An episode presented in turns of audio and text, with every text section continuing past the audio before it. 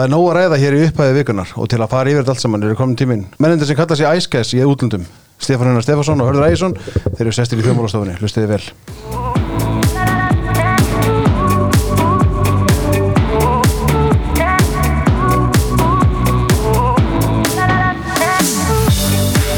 Verið velkominir.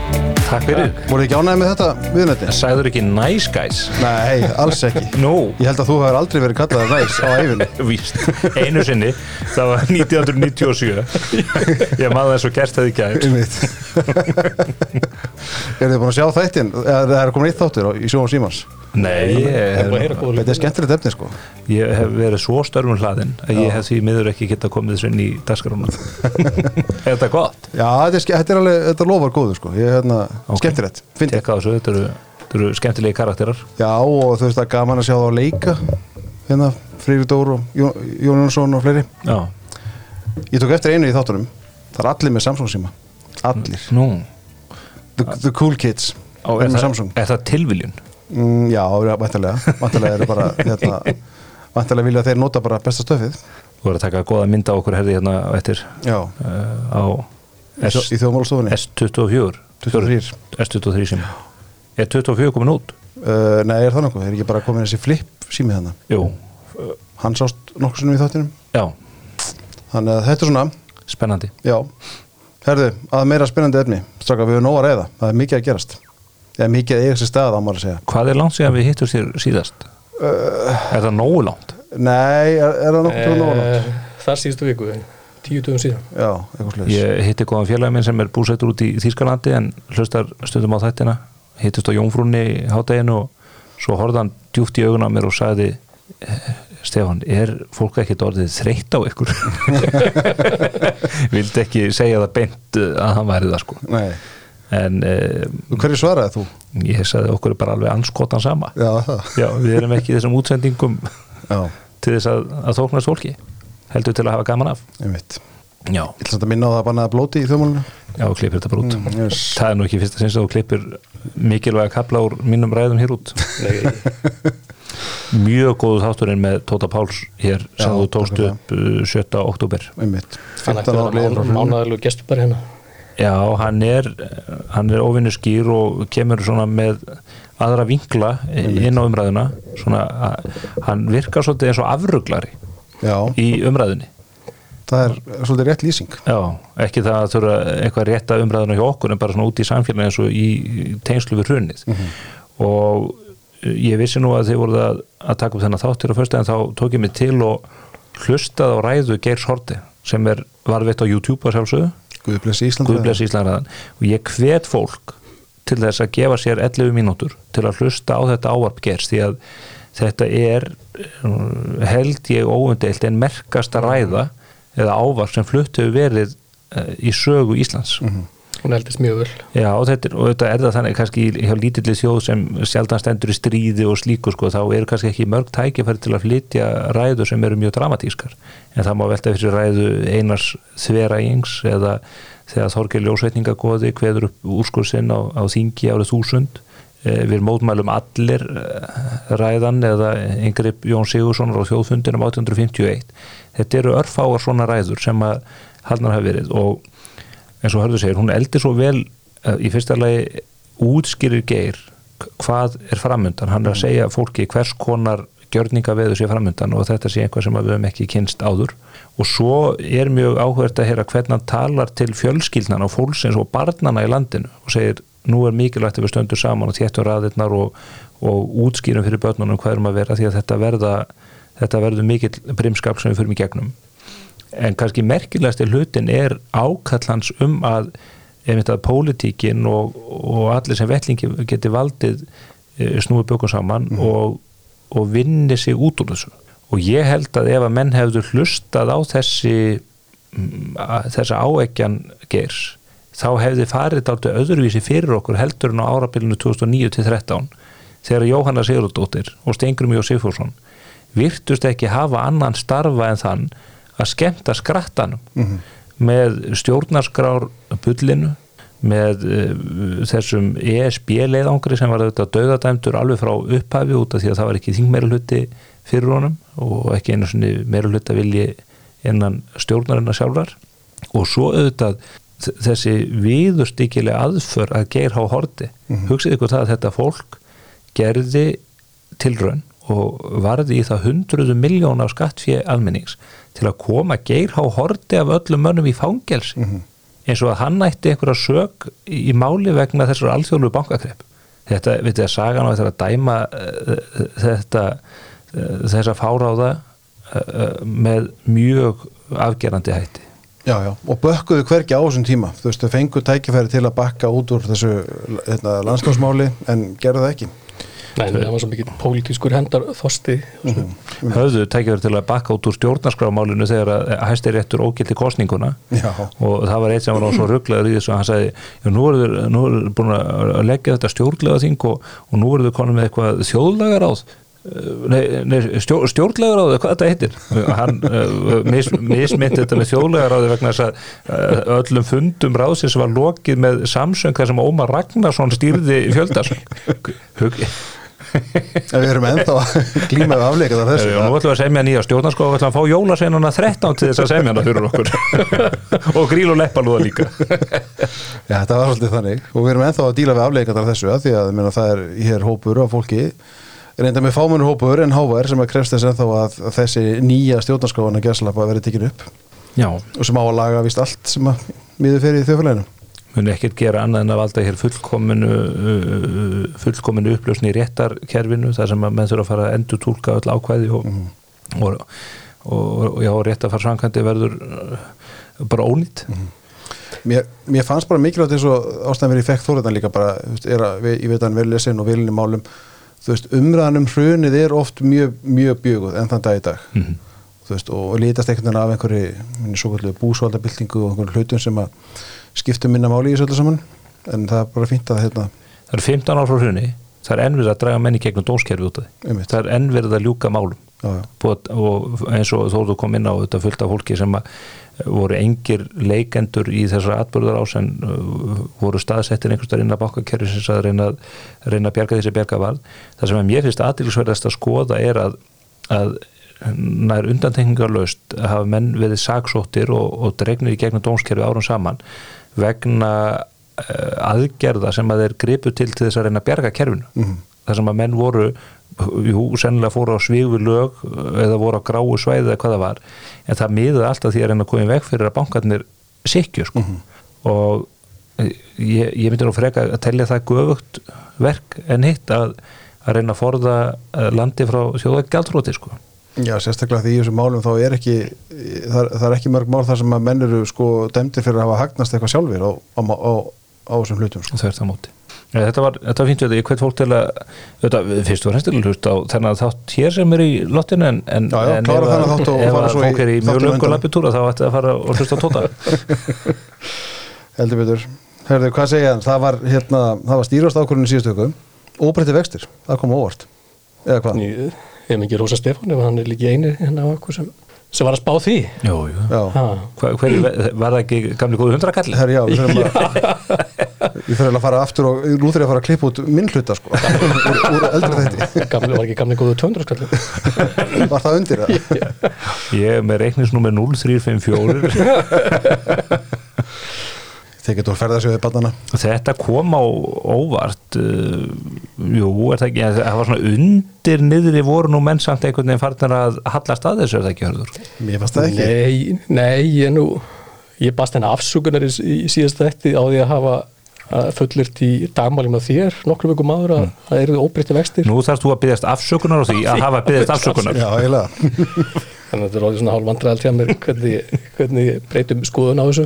En hann, nei, ég, Ég ég, sagði þér að vera ekki að bjóða þessi manni til þáttu ég sammála gísla við einherji eins og við gerum alltaf frækvæðum könnun á svona, svona stórum hópi. Eh, markasæðala stjórnundalífur sjóð og hagfræðinga og voru 23 sem tóku þátt í könnu og af þeim voru þrýr sem spáðu óbreyttu vöxtum. Á meðan það var svona frekar jöfnskiptinga milli þeirra sem spáðu 25 eða 50 og við eh, vorum allir stattir á þessum kynningafundi og, og þar mátti greina smá beskju í hópi sumra spámanna sem höfðu rámt fyrir sér. Og hann eh, sem var bara skemmtilegt en, en hann, eh, ég sé ekki betur heldur en að þessi ákvörna hafi svona fallið bara frekar vel í, í markaðin mm. -hmm. þess að skuldabæra markaðin þú veist uh, þróun hefur þar frá þessari ákvörðun verið með, með svona hagstæðum hætti að verðbúk álaði er að minka og, og svo frammeðs en uh, stóra spurningin er þú veist hvort þetta sé svona bara tímabundi byðileikur þá að að vakst, fannst- hækkunarferli fyrir aftur á stað innan skamst tíma þegar að við sjáum betur hvað hvað hann verkefnisengin lætur í glitta í, í komandi kjærasamningum Já, við komum aðeins að því eftir það nú Já. strax komið hérna menn er strax komið niður á- jörðan þar eða hittu heldur. Hérna, sko mér fannst Sælabankin halda því mjög opnu að þetta væri einhvers konar byggleikur Já, já, hann segir, mér finnst það útskýrta þokkala vel, hann áskjur og rannveð með honum, þú veist, bara er, við erum komið með tiltölulega já, háa jákvæða raunvexti á svona flesta mælikverða þú veist, svona bílunu 2-3% og það er bara hálft árunum fyrir síðan við komist á þann stað að vera með jákvæða raunvexti, við vorum í svo óeðla tímabili uh, frá árunum 2020 til þess ás það sem við vorum með mjög neikvæða raunvexti og, og og það er jafnvel til þeir hagfæraðingar í dag og, og nýlega rítstjórar rítum sem telja þessi skynsald að viðhalda slíku tímabili í 8% verðbólgu. En ræðan það kannski betur síðar uh, að, að við erum núna komin þá staðar með háa jákvæðurnæsti og áskil segir heyrðu, þeir, þetta, við sjáum þess merki þetta háa raunmassastig sé farið að býta á ýmsu sviðum. Enga neyslan er svona uh, hægt að vaksa, auðvitað frá mjög háum gildum uh, og verðbólgu væntingar á marga mælikvarða uh, eru byrjar að detta aðeins niður og, og hann segir heyrðu, og hagvöxturinn, allan hann er þetta mjög mikill en hann er aðeins minni heldur en í fyrra og, og segja, heyrðu, eigum ekki að hann orðaði þannig vittilum að það var svona kannski einnar messu virði að býða og sjá hvort að þessi jákvæður raunvestir eh, mun ekki duga til af því að Sælabankin er mjög skýrum það eins og segja gísli að, að þessi raunvestir þurfa að hækka ennþá meira í ljósins hvað er samt heitt takirfi en hann segir það getur gerst með tvennum hætti. Við getum séð verðbólgun og verðbólgumæntin að fara niður sem sjálfkrafa að hækka raunvestina eða hitt sem engi vill uh, en, en verkælisreingin enga síðu virðist vera áfjóðið að gerist að það er að Sælabankin haldi áfram að nýju og hækki nafnvextina Hvar er boltinn núna? Ég minna hann auðvitað er hjá hann talaði maður Er svona hann hjá almenningi, er hann hjá ríkinu, er hann hjá já. verkefnis eða við- aðalinn vinnumarkaðarins? í fyrsta lagi núna hjá stjórnvöldum eða það er og hjá þingmönnum sem eru núna að að taka fjárlögin til meðferðar mm. þeirra verkefni er þetta að auka útgjöld ríkisins ekki um svo mikið sem eina krónu ætti að draga úr og þeim ætti að draga úr þeim sem er þetta sterkast skilabúðin og svo er þetta boltin hjá aðalu vinnumarkaðins, SA og verkefnisengunni og, og aðtunlífi þarf að leggja, leggja þetta mörgum og reyna að halda í sér eins og eins mikið og getur í að, í að hækka verðlag og? Ég held að þetta sé nefnilega bóttið sétaldi hjá almenningi þar að segja ég hef enga trú á því að verkefnisfóristan muni og eins og við erum að sjá á nýjustu hugmyndum Ragnars Þór Singolsonar mm. Að verkefnisfóristan muni láta sér, sér segjast í þessu. Ég held að þeir sé bara svona í dead end eða í einhverju uh, fast, fastir í einhverju gildru þar sem þeir telja sér einhvern veginn ekki geta hlutverð síns vegna annað en krafist einhverja óhóflegra hækana en þá er það þannig að þrýstingur þarf að koma frá almenningi allir þeir sem tilheyra stjættarfélugum hvort sem þeir eru skoðuna með reikninga hjá bladamannafélaginu eða bara almennir félagsmenn hjá vaffer eða eflingu þurfa að nippa í fórustunum og segja ég vil frekar lága vexti en nafnlauna hækkanir sem brenna upp mm. Sigriði Margrét Óðstóttir, hún talaði nú hún var með mjög gott innleg á fundi þar sem þú varst fundarstjóri Já. og, og, og Félagi- skemmti það alls ekki fundin þar að segja fundarstjórnum, ég er félagi, félagi var hjá hjúkunarfæðingum nei, hvar var það? Félagið virkta það Já, þeim, einmitt.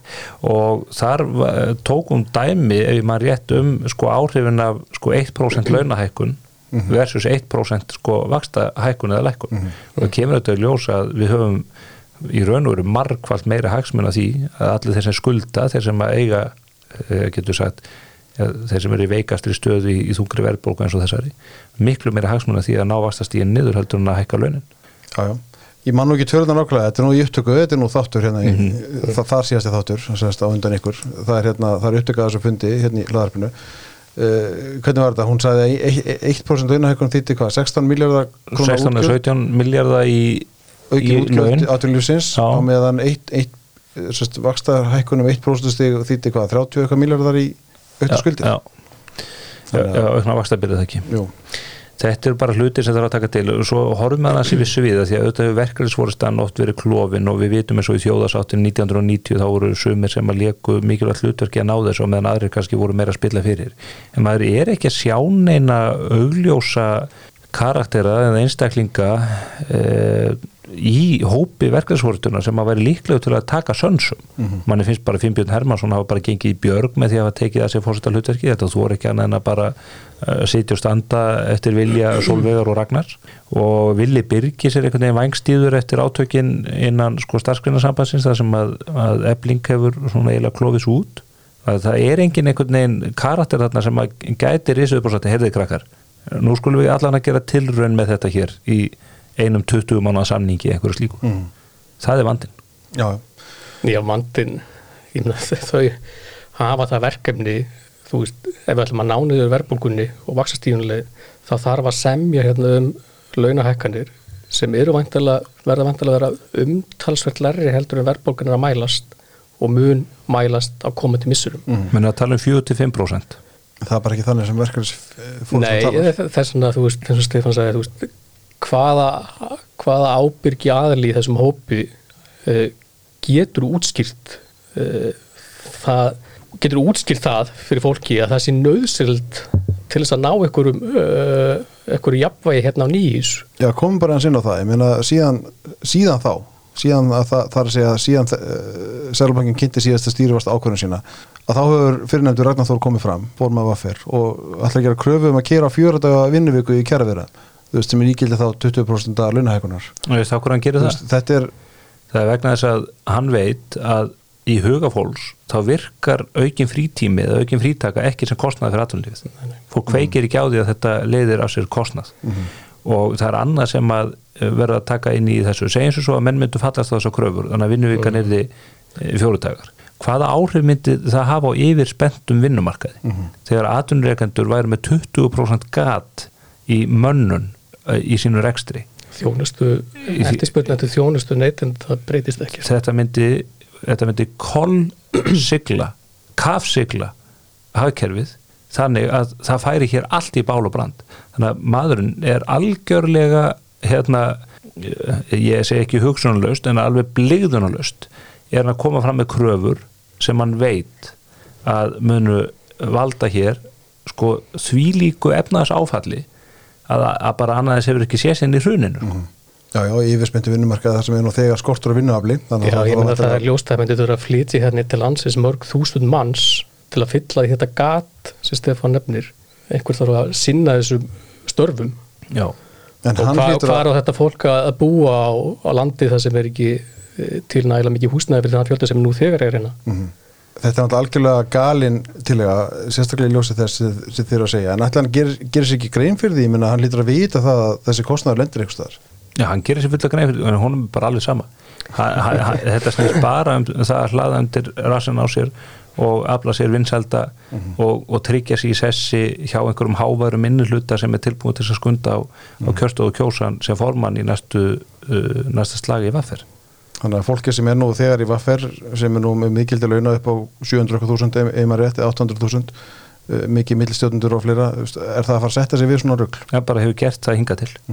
Þannig að það það er líka hann er við erum ekki, þessi aðalega vinur markaðans er ekki mest að sest við kjærasanarborðið og hann er byrjir að gera nákvæmlega það sem Sælabakastjóri var mjög kurtislega benda á uh, uh, í síðustu viku að eitt af því sem er að valda háum verbúkuvæntingum og er sem alltaf nota sem raukstunning Sælabankans upp á síkastist að halda áfram að hækka vextina sína eru ótti og áhyggjur fyrirtæki og fjárfærskuldið á markaði út af þessum herskáu ummælum manns eins og Ragnars og annar í þessari reymingu í aðræta kjærfiðir hana.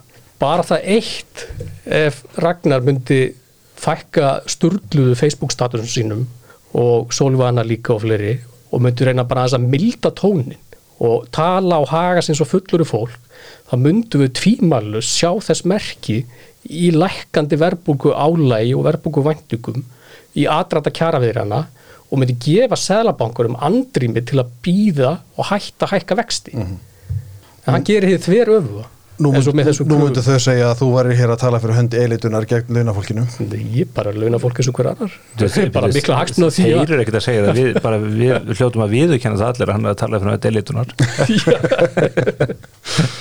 Nei, þetta er, þetta er skvöldlegt Heyrði, reyður eða mál Hafið þið kunnið að flýsalegja? Nei, og Það ég kann ég vara fólk við því að reyna það Já, sjálft. já, það er, það er mjög ég fylgst með mönnum flýsalegja og þetta er nefnilega Þetta er vandarsamt verk. Þetta er vanda, og það er ekki bara það að skera beint og, og það flýsist ekki upp úr kontónum annað. Það, það er líka þegar þú ert að flýsalegja sem heilt rými Mhm. uh, á alla kanta að þá er þetta mjög vandarsamt verk að fá rétt hlutvöld í skurðarflýsar Mhm. Og ég bara dáist að mönnum sem eru flinkir í þessu Já, ég kýtti henni blónir í viti vikunni og var að skoða flýsar þar og að svona rifið þetta upp. Þið veitir sko að maður þarf náttúrulega að byrja því að búa til beinalínu og flýsleiki út frá henni. Ef maður gerir það ekki, þá endur allt skakt og vittlust. Svolítið, svona- eins og horfa fréttir og rúf. þú veist það er bara að þú endur einstur út í skurð. Það var það sem ég dætti hug Er þegar... það ekki bein útsending? Já, það er bein Og það fannst mér svolítið innleikið þegar að Rúf var að fjalla hér mikinn um, um mál sem kom upp fyrir í síðustu viku þar sem að eitt ráð þeirra skýtur annan. Þar að segja Áslíður Arna Sigurbjörnsdóttir held erindi á sjávarútusteginum og skoði þar léttum skótum að matvælaráðara, Svandísi Sváðstóttur þú veist þó var nú ekki alvarlega en svo að hún bara telur upp, svo er yfirmyndaðins upp hún telur upp að hún er hér komin á sjávarútustegi á daginn og ætlar að halda þeirra ávarp og telur upp atrið sem eru í umræðinu tengt sjávarútvegi fiskeldið, kvalveðar, og og segir svo að samnefnari þessara atriða sé Svandi Sváðstóttir en hún ætla ekki að ræða það heldur ræða eitthvað annað, svo heldur hún sitt erindi. Og þetta varð að því verðist svona mikið dramatík í þessu aðalega fréttastofur úf en kannski einhvers annars það líka. Hva, hvernig horfður þetta við ykkur? Var ekki Björn Bjarnarsson bara spot on í, í sínu Jú, hann tók þetta hans fyrir á heimasíðinu sinni á hvað fyrstu það lögadag að því að Rúf fullirt að það væri, væri mikil að vinsti græna svo vægt sér til orða tekið Já, svo, svo vægt sér til að tekja mikil, mikil olga en af Vafki en svo vitnaði Björn bara í einhvern förstutarspost frá Vafki þar sem að menn svo, það er bara enginn haft samband við okkur út af þessu. E, auðvitað það er bara títringur innan ríkistjórnar það er gríðarlega óanægja með störf svandis að sváðstóttur hún, hún er bara langt komið með því að sprengja ríkistjórnuna með því að uh, vaða yfir menn með eld og brennistein í hverju málun og fætur öðru. Áslug Arna mætir þarna á sjáurutustæðin þar sem að það sem Sandis var nú ekki stöð það sem matvælar á þar hann hefði átt að vera að tala. Einmitt. Það voru öðrum fundið að kynna já það er nú annars kortlagningu á nýri löggjöfum fiskaldið þetta er það, það er verið að snúa öll á haus í þessu. Það er ekkert í þessum ummælum áslögar sem að hérna var gaggrinni verðt og ef að þetta samfélag, ef þetta er orðið svo mikið barbidúku samfélag að eitt ráð þeirra með ekki skjóta með léttum hætti og annan öður svona vandlætingar postularnir stökkvalli til já, þ- þá er illa komið fyrir okkur. Mm -hmm. Og hún sagði, áslög sagði og gerði grínaði, hún sagði ríkisjóðnir séðu öll elskið og sagði þetta í háði að því ríkisjóðin ekki með neitt fylgi sko.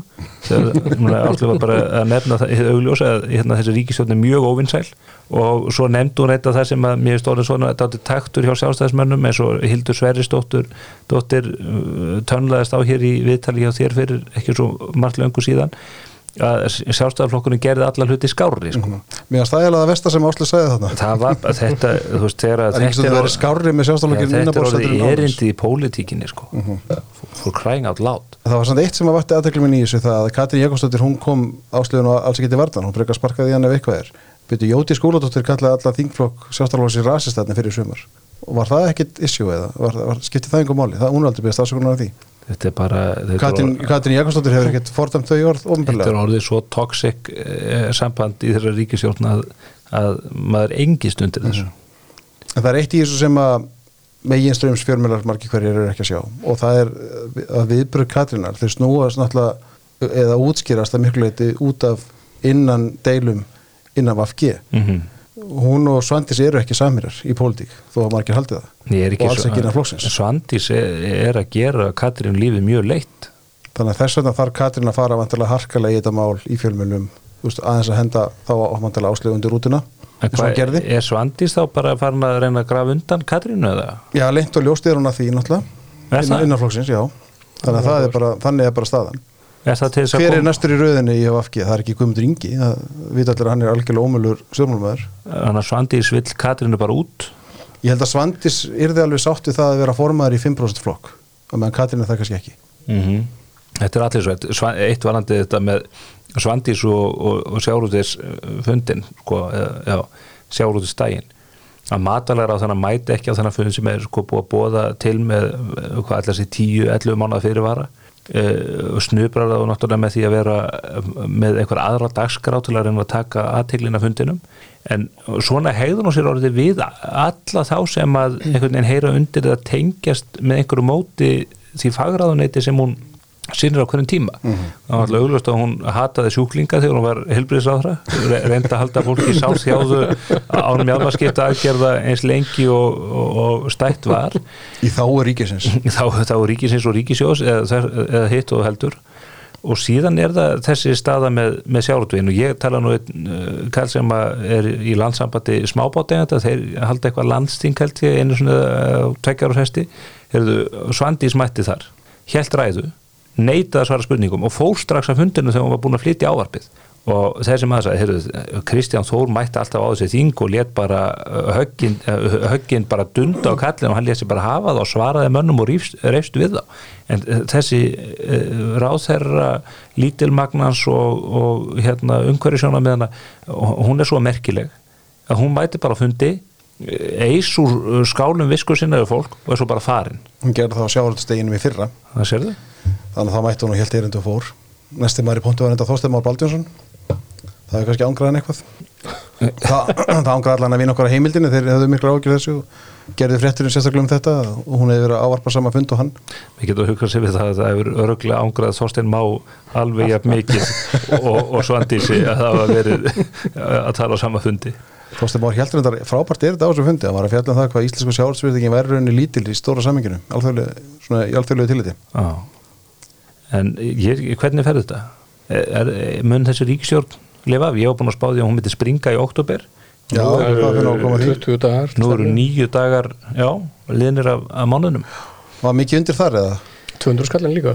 Líka. Ég, það er Við þurfum að, við þurfum að halda utan um þetta Það er að er strax millifært á mig En það er nefnilega eins og við sjáum á þessu dæmi með Áslu Örn þar sem hún kemur bara tekur hérna smá pillu á hérna maturaráþarann bara góðu djókur eins og maður sæði það eru svona hluti sem valda ótrúlega titringi. Þetta með aðstóð eins háttuð panna og stórkostlega ríkismiðils. En, en það eru yfirleitt einhver svona mál sem að allt fer í hund og kött út af en ekki kannski stórumál mm. við hefum eitthvað að sjá hvað kemur út þegar umbósmaður og fleiri mun að kveð upp sína stóru dóma varðandi framgöngu maturar á þannig að bæði þessu samkefnismáli mm -hmm. og þetta var hann til kvalviðanar mm -hmm. Já, ég heldur að það hefði komið áslug og óvart að viðbröðin hafi verið svona hörð Má hann ekki gera þetta meðvitað? Þessi myndbyrtingu þetta hafi svona mestu áhrifin Maturar það sem að kveikir svona kveikir í púðuturinni Já, myndbyrtingi, mér fannst nú reynda líka ég hlusta þarna á vikulókin þar sem að, að þú varst mættur fyrir okkar höndhörður að hérna að mér fannst nú óþarfi af ný, nýjum þingflokksformanni sjálfstæðarflóksins að, að fara að tala um það að þessu ummalið hefur verið óheppileg og þetta hefur komið inn í opna skjöldu. Má ekkert. Mm. Er, er samfélagið í alvörunni orðið svo leiðanlegt Ætlaði það ekki komið þingflokki í opna skjöldu þegar, þegar Jótis kallaði það ræsista hún er þetta algjör léttavikt í pólitíkinni. Mm. það er öllum sama held ég um það hvað hún hefur fram að færi í þessu. Það er öðruvísi þegar ráð þeirra á hlut. En mér finnst að nýr þingflósformaður einu bara að setja kassan út og segja hefðu, næsta mál. Já, næsta mál og daskar höfu ekki eitthvað annað meir og mikilvægur að ræða hér? Mm. og hún kom reyndar aðeins inn á það setni í þættinum en hún hefði bara átt að afgreða þetta strax þannig og segja, hefðu, erum við í alvöru hér mörgum dögum eftir þetta erindi að fara eða tíma hér í klukkutíma umræðasætti eh, Ríkisúðsins þetta verður öruglega að tekið fyrir í, í silrinu í hennu svefvanna silri á mánutarskvöldur sem að við munum hérna býða andaktu í réttin í kvöld. Ætla að vera Sigurður Hagalín sem að stýra núna? Já, þannig að það sem að maður er spenntastur að vita. Hvert er það tekur boltan er hún ekki í rjótthundulefi Já, ok. Hún er frí Já, það? Skrifa góða bækur. En hérna það er hérna fyrst erum við að tala um Sandísi sko sanginseftiliti Við vorum að tala um Sigurði Hagalín. Eða eitthvað að fara í, í það? Það er hérna, þau er bara í byrjandi vandrið með þetta en við vorum eitthvað að tala hérna um daginn með mögulegan skipunatíma fórstjóra eftirlitsins? Þarf ég enn þannig að- þarf ég enn eftir að byggast Hörður alltaf að koma með sko, ólíkt rúf, þá leiður þetta við okkur ef við höfum til okkur. Ef við fáum skipti. Þá, þá sjaldan það gerist. Nei, við vorum að ræða hérna í síðasta þetti eh, hversu lengi Gunnar Pálsson fórstjór sanginseftir getið sittið í stóli fórstjóra sanginseftilisins Mhm. en nú þegar búin að sitja í 17 ár, 18 ár. 18 ár.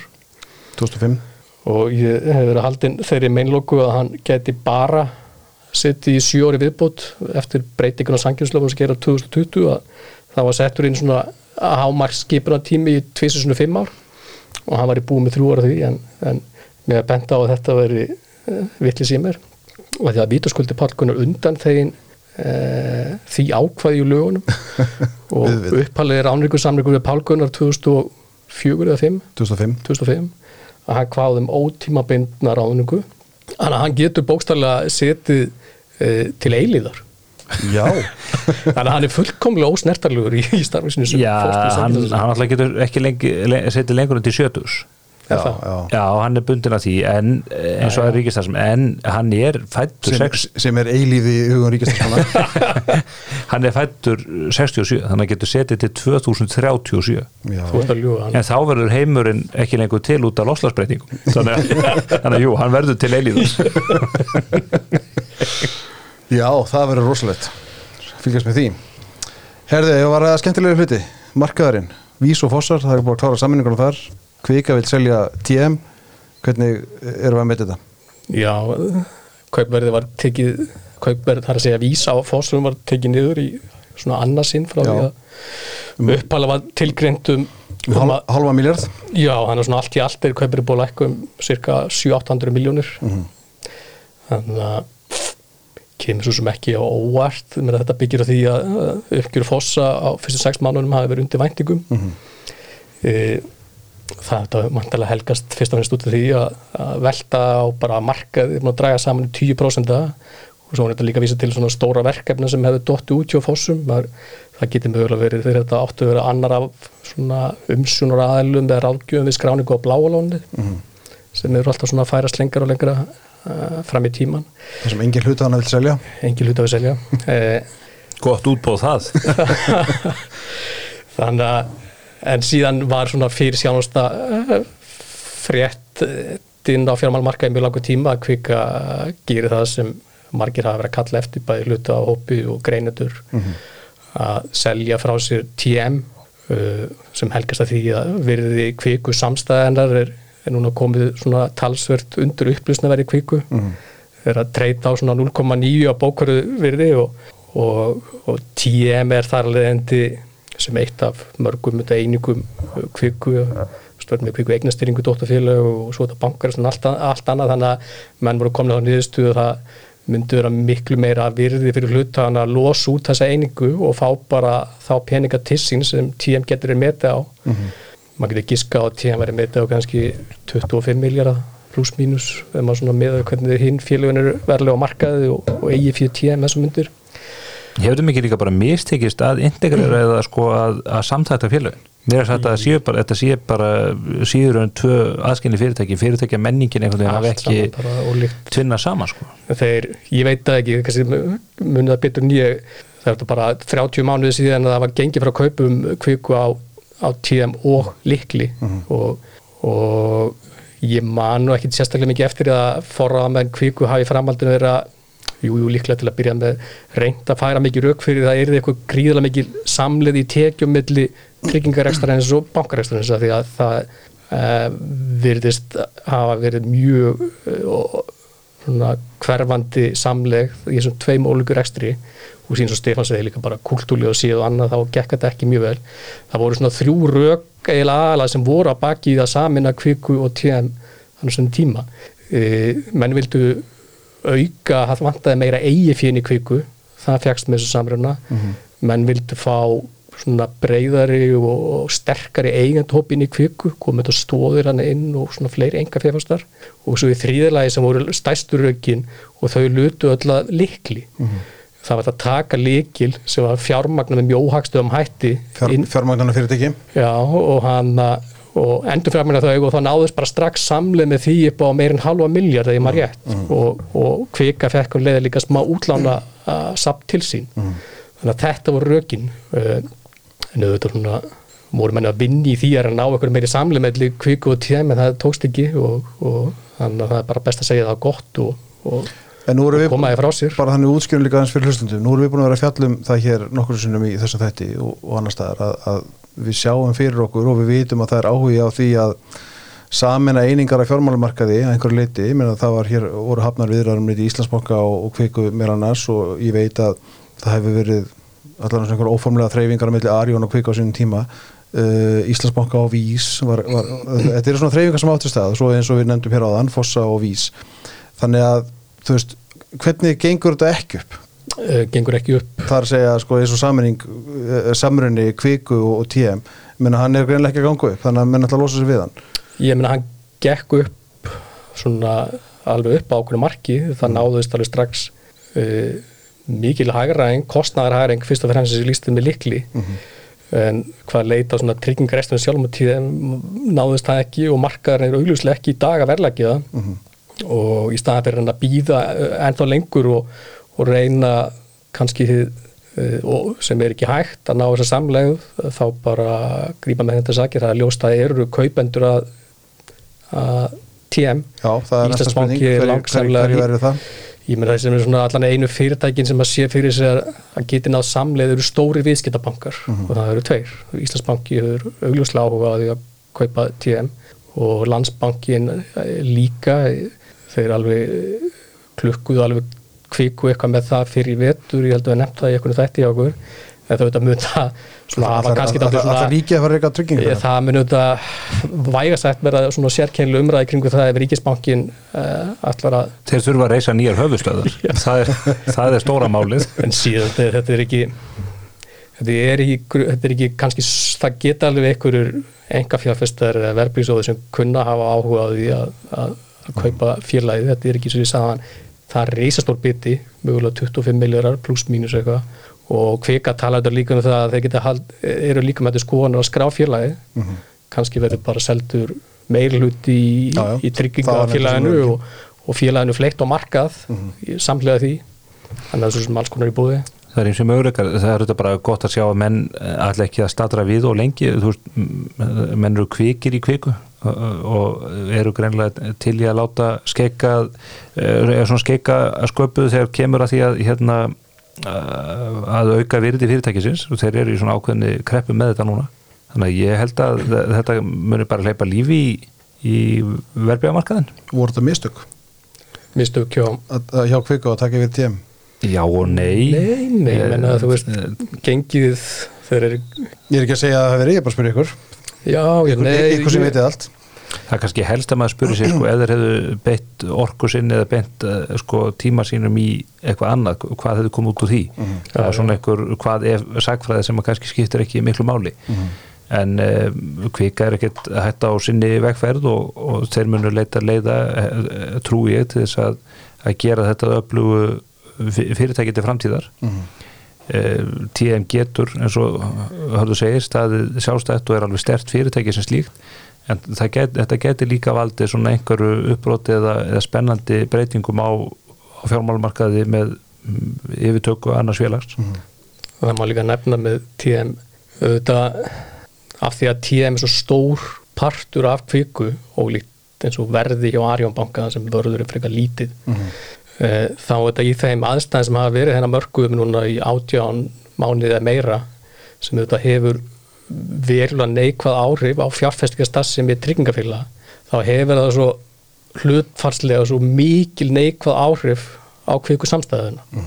Eh, þetta er þetta langsamlega stærsti einstakki þátturinn í því að hlutabrega kviku niður um meiri 40% frá því að toppa það fyrir tveimur árum uh, meirinn 20% niður frá þannig að, að það er lækka miklu meira heldur en hinna bankana. Þannig að TM er búið að vera svo mikil dragbítur á, á banka sem er að öðru leiti kannski freka vel reygin bankaresturinn gengur bara vel og þeir eru með alls konar nýjunga sem er hafa tengt fjártekni sem er að hafa á, áhuga á því að stækka og efla á komandi mánuðum.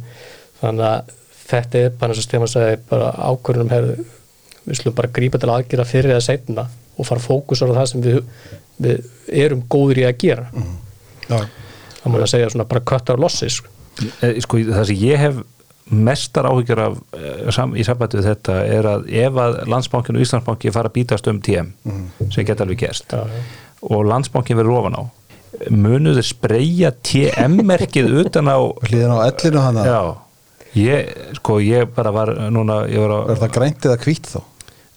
ég, Nei, þeir verða að hafa það hvít en nú mér er sagt að þetta sé sko hefur hugsunni sé svo að þetta sé svona eins og sko skófir eða jafnvel fugglaskítur utan á bergi sko og, og það sé hug, hugmyndin. Ég var á uh, ég var á laugadaginn að rölda niður í bæ ég fór nú ekki á þessi þarna mótmæli niður á Östuvelli þar sem viðkjönd það, það er ekkert mál. Þar sem góðborgararnir mættu allir aldrei margir dýrir fínir jeppar í miðbænum á leið til mótmæla eins og þennan ágættur þetta kíkti eins og á alveg ótrúlega magnaða lissýningu Ragnhildar Ágústóttur vasslita málara í listval á hverju skötu fjögur sem hún að mála íslenska fugla uh, útdauða og ekki og hvert fólk til að líta þar við. Og ég kem þann út af sýningunni alveg uppnumin yfir því hvað þetta eru stórkostleg nákvæm verk og hvernig hægt er að beita vaslitnum og verður litið þarna yfir hérna göduna og ég, átti að þessu spreyverki þarna á landsbankanum. Og veit að ég fekk bara kviðverki.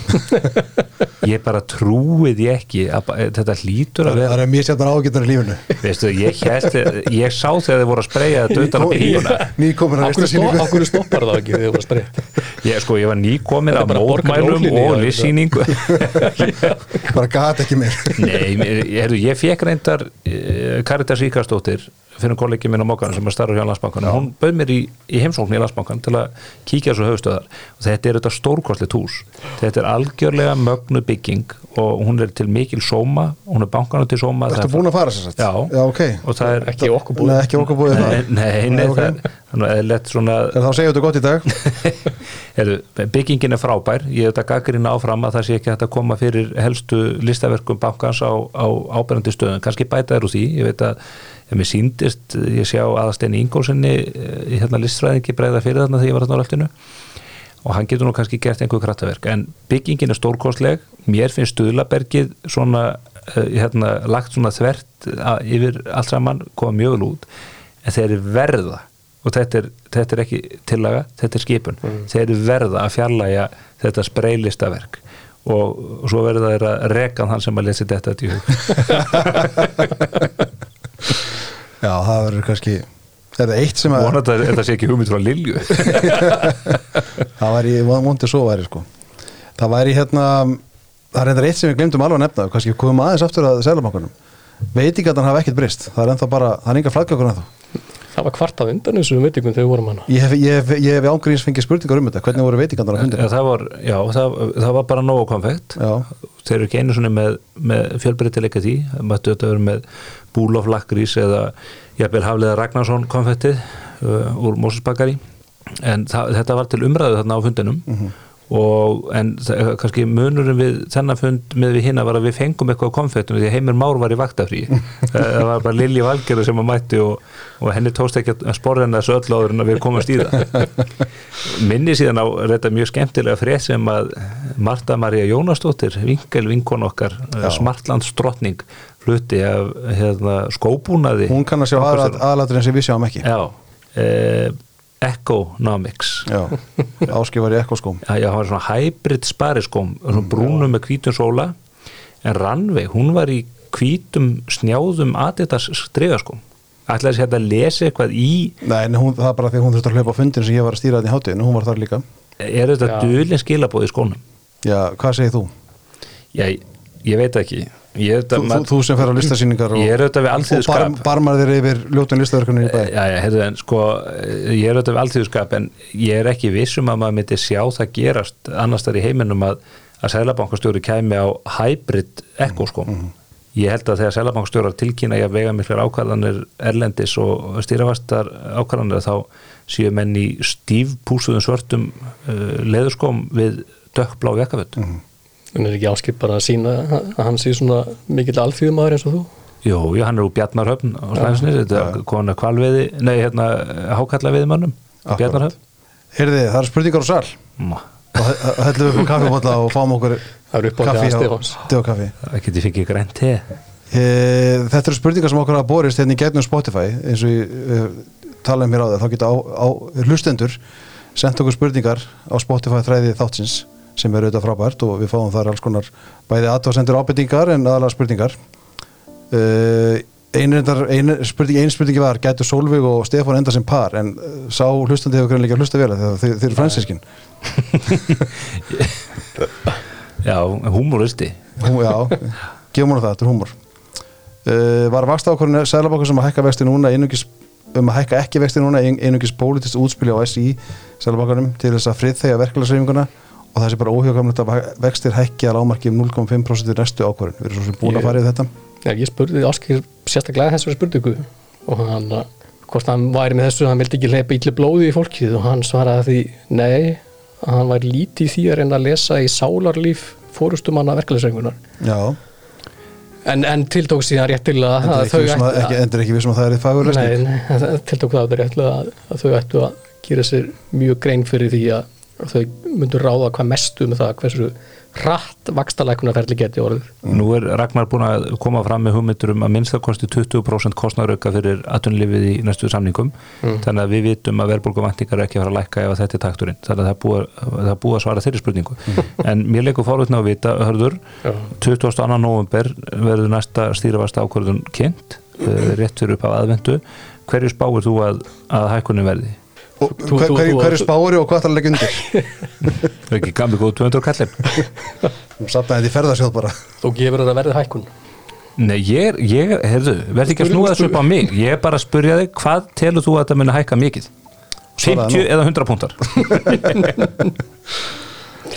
Það verður náttúrulega komin einhver skrið, það verður náttúrulega komið eitthvað skrið á, á samningavirðar þarna Er það? Það held ég ekki við verðum bara- þe- við verðum nei. reynda líka búin að Ég skal, ég sjá skal umorða þetta, það verður komið það verður komin aðrar og fleiri yfirlýsingar um, um þessi mál. Er ekki, það eru tíu dagar í að, eða nei, níu dagar í að við sjáum uh, sko fundagerð peningastefnin endarinnar þá sjáum við líka hversu uh, hversu margir haukar voru í horni uh, á, á fundinum. Það, vonandi byrtar Já. eitthvað um það. Hann vildi ekki áskýr svara því. Ég sá að þú spurði hann líka hvort það hefði verið samstæði nefndinni um þessa ákvörðum að halda vöxtum óbreyttum. Mhm. En það mátti, ég mátti, allan að ég greindi það svona á uh, hátterni áskýrs og hvernig hann brást við að, að svo hefði nú ekki verið.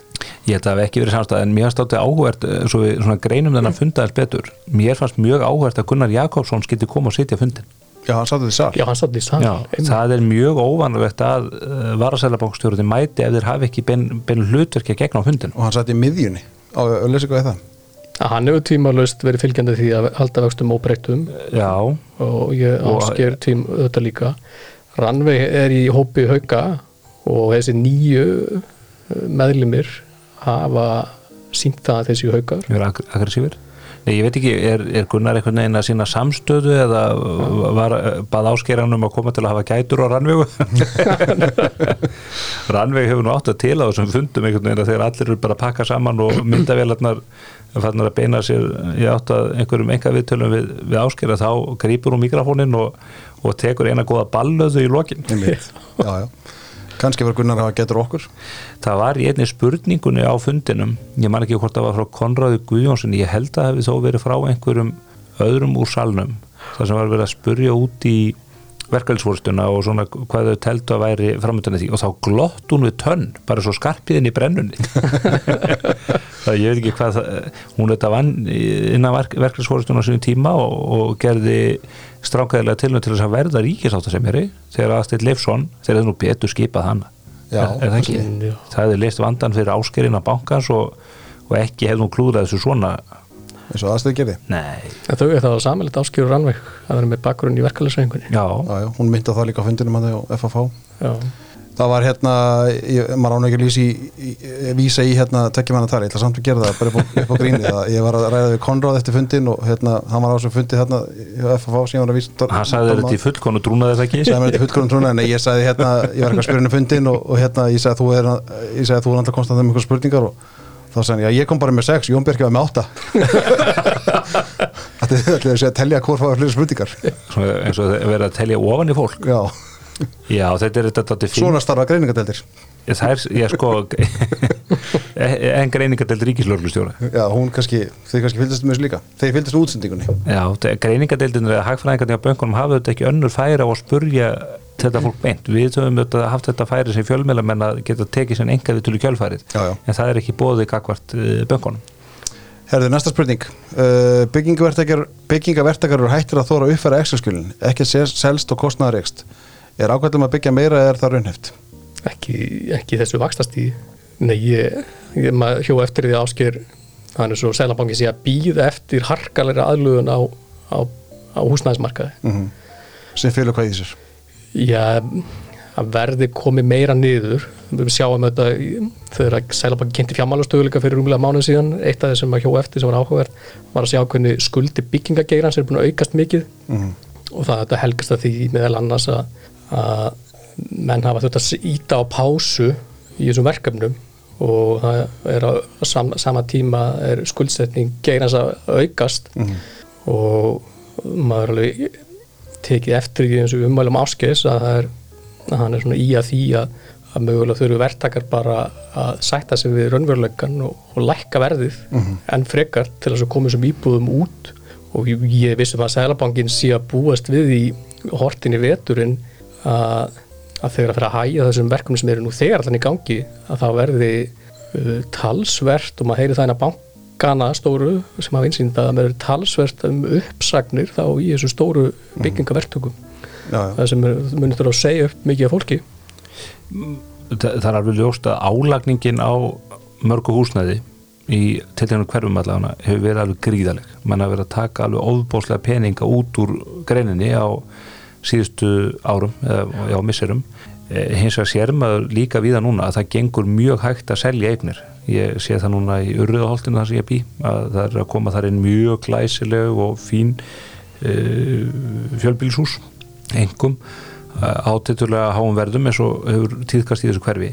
Það bara selst alveg rosalega hægt og þarna er auðvitað vakstakostnaður hann að býta í skottu verðtökum þeir eru í fæstum tilvökum að keira þetta bara í fjö já, já sem gerum það en ekki allir. Nei, á einhverju tíampunkt er þetta bara eins og með veðköllin í, í kauphöllinni sko, að einhverjir munu þurfa að dömpa verðunum bara til þess að, að losna undan því að, að missa verkefnin algjör út úr höndunum. Og það er að mörgur leiti ekki það vest að sem getur komið fyrir bara upp á það að koma reyfing á markaðinn og, og hleypa fólki inn á markaðinn og annað þeim dúr. En, en svona ég held að meðan vakstastíð er eins og það er að þá verði fastegna markaðurinn til dæla lamaður það eru mjög fáir sem er að kaupa og selja eignir í, innan kerfi sem er með 100% stegi fyrir Já, já. Næsta spurning, er sangjart að kalla Kristúnu skattrunu eða er tími uppnefnaði pólitík liðin? ef við uppnefniði fyndið? Uh, Já, ef að uppnefnið, mér skatt hún ekkert fyndið. Nei. en það er, það er til fyndin Ég hef reyndar ekki heyrt marga að kalla hana skattrunu það er sko. fyrsta sem við heyrum Já, Menn, menn að það er að vera að vinna svolítið með kauprætta Kristrún sem ég fyndið það finnir það? Já, en það er hérna auðvitað áum það er svona alveg skilið að vera köllu skattrún bara eins og Hún þess var að búa skattakarinn bara síðustu viku. Ég bara þessar tillögur með breytingar í heilbri, við ættum eiginlega að taka smá umræðum það bara í næsta þætti, þá verður þið búin að lesa þetta og undirbúið ykkur. En þetta, það máli er alveg svakalegt sko. það er, þau eru að telja sig vera að koma með einhverja groundbreaking tillögur að því hvernig með breyta heilbrískerfinu og þá ekki að breyta neinu nema því að auka skattheimtu í landinu og dæla peningum inn í bilað kerfi. Henda var peningum í vandan það var bara og þau fenguð þess að tillugu frá Það hafði aldrei reynd áður.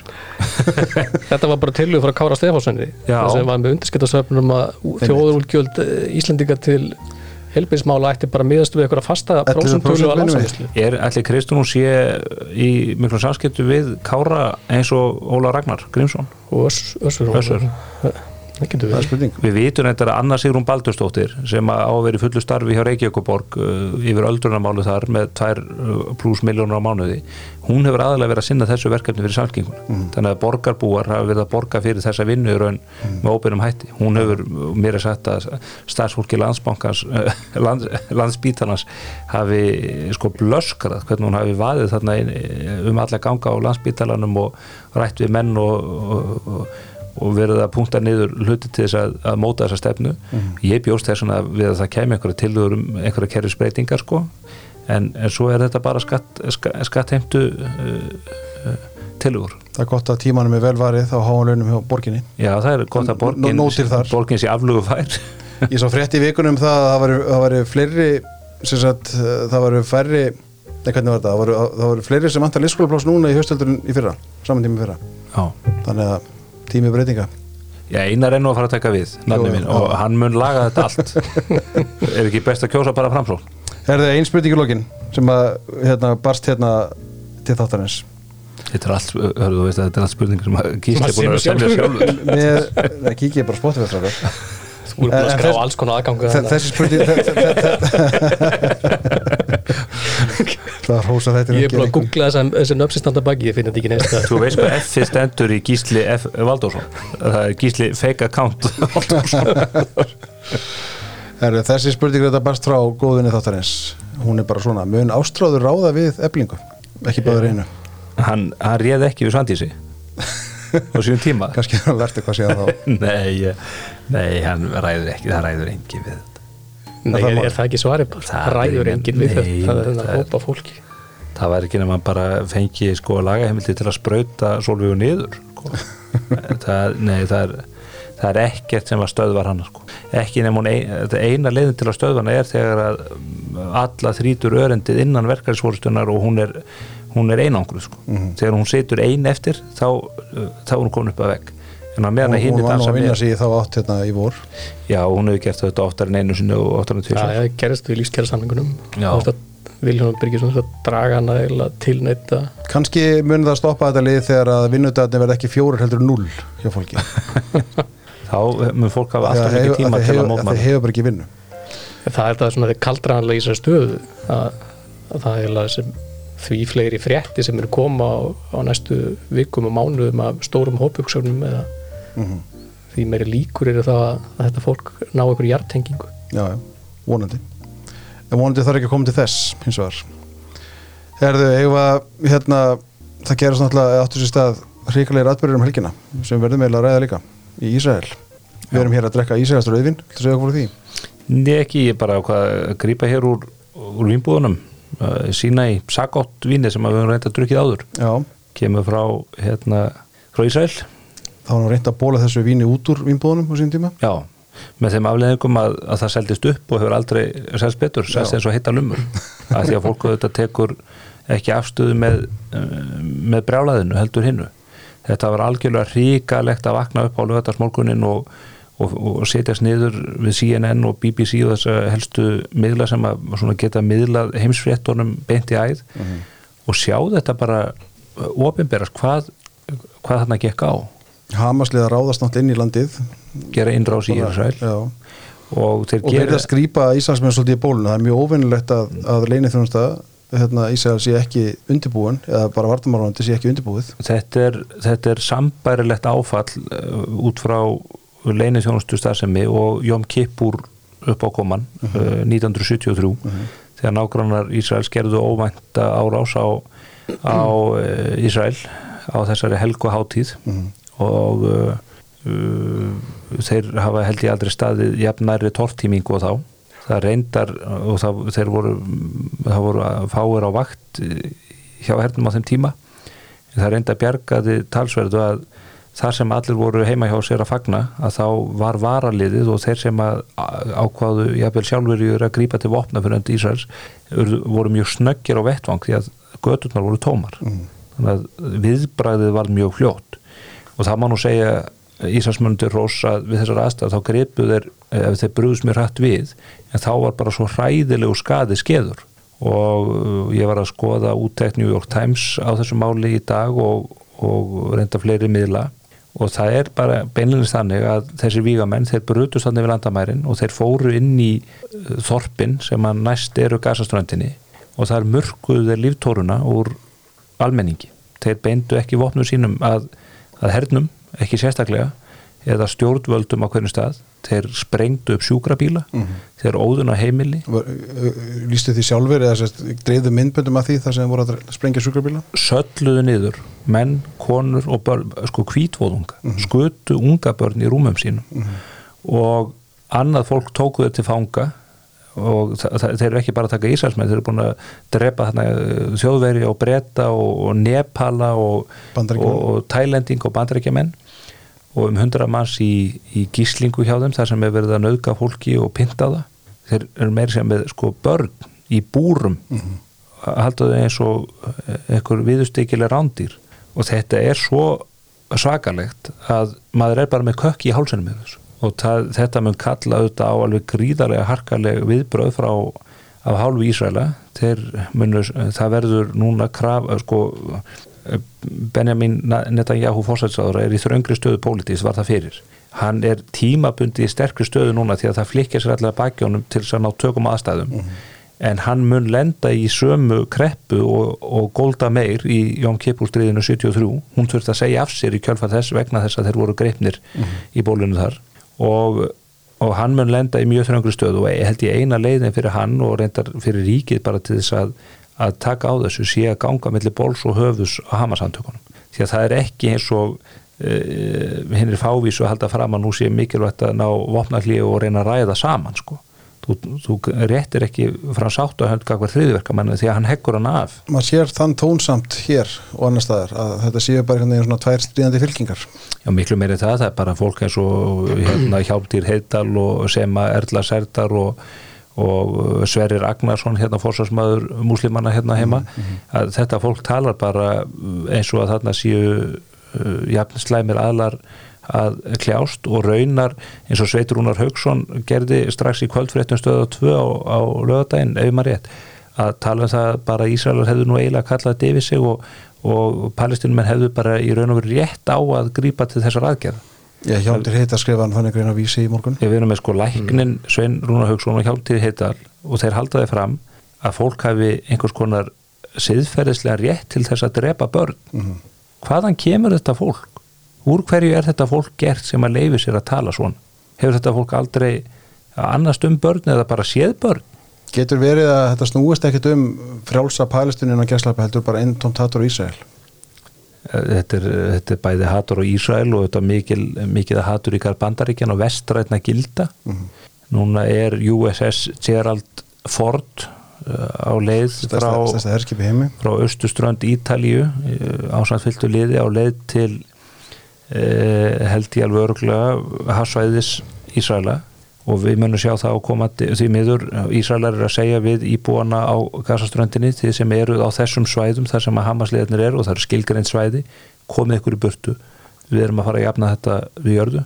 Og við munum sjá gríðarlega hörkuð þarna á komandi vikum og mánuðum sem að, það sem að miklu blóðu verið úttelt og vonandi eh, verður það fyrst og fremst einhverju hermenn og annað þínlíkt en ekki saklausir borgara sem að ekki geta bórið hönd fyrir höfu sér. Eru viðbröð þjóðarétt og eitthvað sem að koma óvart eða við sjáum þessi Súnak hann brast mjög afgerandi við fórsvarsmenn Európa-sambansi gera það Selenski gera það, Nei, ég meina, bara, ég meina þetta er bara eins og Breivik. Þortís Kolbrún hún setti strax inn fæsla á Twitter. Katrin virtist þig öll með að fordama þessar aðgerðir. Já, hún, það var þannig þau eru bara alltaf þetta lið er alltaf einhvern veginn eh, í þessu Ísland-Palestína kjáftæði og, og gerast um leið talsmenn einhverja hriðverkamann Hama-samtökin eru bara hriðverkasamtök þau drepa konur sem eru taldar að hafa haldið fram hjá mönnum sínum. Þeir myrða menn köldu blóði sem að þeir telja að uh, hafi mögulega gerst sekir eins og þau kallaða um samkynneigð og svo vaða þeir gegn almennum borgurum með þessum hætti og IDF uh, varnar sveitir eða hersveitir Ísraela gera það ekki. Það falla saklösi borgarar í umfásmiklum hernaraðgerum Ísraela en það er ekki gert af uh, það er ekki fyrirætlunum það er óhjákumilu fylgifiskur svona ömurlegra aðgerða en þeir beina vopnum sínum að Hamas og þessum hriðiverkamannum sem eira engu. Og mér finnst best þegar að einhvern tíma Golda meir spurða því hvenar þessu stríði myndi linna á milli þessara fylkinga og þá sagði hún við munum ná friði milli þessara þjóða þegar þetta fólk fyrir að elska börnin sín meir en það hatar okkur. Og enn í dag eru þessir Hamas liðar þannig að þeir hata Ísraela og Gýðinga meira heldur en þeir elska börnin sín.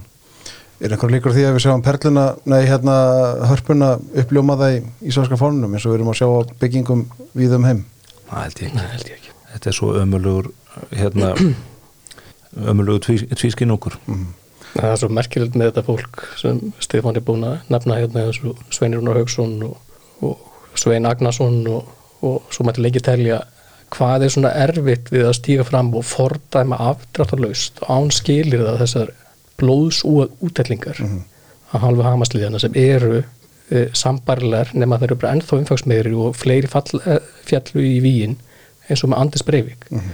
og á sama tíma geta haft síðan aðrar skoðunir heldur ég og þú á utrækistefnu Ísrael eða eitthvað slík það er það sem við ekki förðu í Ísrael það er bara Já, þetta er bara, maður vonar að þetta breyði ekki úr sér, þetta hisbóla samtökin í Líbanon býða þarna norðan gólanhæðina og eru velvopnu búin að geta látið sprengjuregni yfir Ísrael. Með stuðning frá Íran? Íranir sjálfur auðvitað, við vitum ekki með bara möguleika þeirra á að beta kjarnavopnum Svo eru við því miður líka að sjá dæmi um hriðjuverk gegn Ísraelskum borgurum utan Ísrael, mm -hmm. bara eins og þetta par sem hafa myrt út á bara þjóðveginum í Ekkertalandi mm -hmm.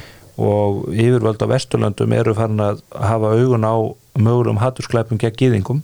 Ég minna á það að það eru gýðingar búsettir hér á Íslandi mm -hmm. og hér er fólk eins og Sveit Nagnarsson og aðrir sem að tala með þeim hætti að, að gæti valdið og, því að, að einhverju fólki er það ógnað bara menn kalli, hafi kallað Davies og menn eigi bara skilið reynlega að, að það séu börn sem eigi það skilið að vera myrt mm -hmm. út af einhverjum aðgerðum Netanyahu's eða Ariel Sharon eða eitthvað svo leiðis. Þetta er svo glórulust og ef við værim hér með leynisjónustu eða greiningadelta þá væri þetta vera að vakta þetta fólk því að þetta er, það er ekki það, þetta bara næri ekki nokkur átt að fólk tali svona Ég tók eftir því að ég sá myndband að því að mér það áhugavert að sjá það að það var, hérna, var fókbaltaleikur í Íran í gær þar sem að paristíski fáni var settur upp og áhörundur á leiknum öskruðu og görguðu vildi láta taka fána neyður með þess að þeim óböðu þessi viðbjóður sem við sáum á lögadaginn að það sé almenningi í Íran. Já, þetta eru bara, sko Það hefur verið að gera greina með almenningi og klerkastöðinu sko? Já, það ætti nú að spurja Höllu Gunnarsdóttur fyrir um frangatisögur að sí út í þetta. Hún vil nú meina að hvernréttindi séu jafn ábúrun á Ísland og Íran. Já, reyndar. Þannig að það verður kannski rétt að fá hana til að greina þessa aðstöðu. Það, það er bara hellingur af einhverjum vinstrimannum hér í Íslandi sem eru svo skynisgrofnir að þeir taka alltaf afstöðu með þessu fólki. Mm -hmm. bara einhverjum ótíndur hriðjörgam og bara sama hvað þetta er bara eins og þeir myndu taka afstöðu með Breivik. Bara, ég, ég, þessi ungmenni þarna í Noregi þau bara kölluðu þetta yfir sig sko, bara afstæða norska óljusjósins hefur verið þannig. Eða, eða hérna, þau ungverðis áhrif sem að norski óljusjóðunar leiði yfir heiminn valda því að þetta fólk á það bara skilið að vera að dreita niður Það er ljóst að okkur verður ekki búið í vikuna á fyrstæðin, Stefan. Nú, er hann búin að, hann búin að kommenta eitthvað á þetta? Nei, nei, ég bara, þú veist, við veitum alveg hvernig umræðan er og tvittir annars þar. Ég, ég dref þetta allt tilbaka, ég vonum að verða búið. við fylgjast með þessu næstu daga á vikur, það verður fróð að sjá hvernig þetta þróast. Já, okkur verður búið aftur. Já, já, var að setja gott í dag. Sákar, takk fyrir komuna.